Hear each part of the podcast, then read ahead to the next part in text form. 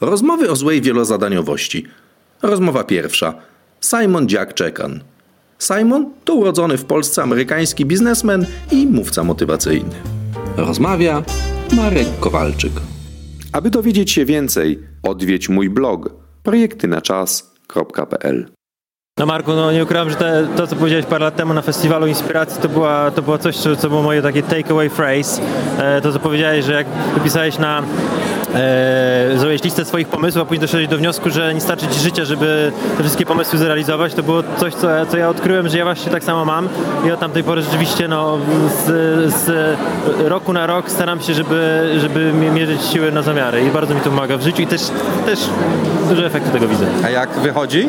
Są efekty? Bardzo dobre. A stosujesz jakieś techniki, czy tylko sposób myślenia zmieniłeś? E, po prostu zacząłem, zacząłem mówić nie dla opportunities niektórych. Aha.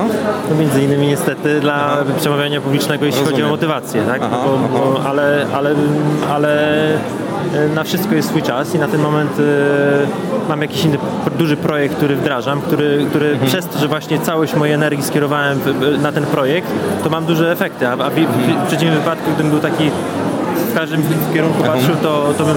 A jak psychicznie to znosisz, odmawianie? Bardzo ciężko. Rozmawiał Marek Kowalczyk. Aby dowiedzieć się więcej, odwiedź mój blog projektynaczas.pl.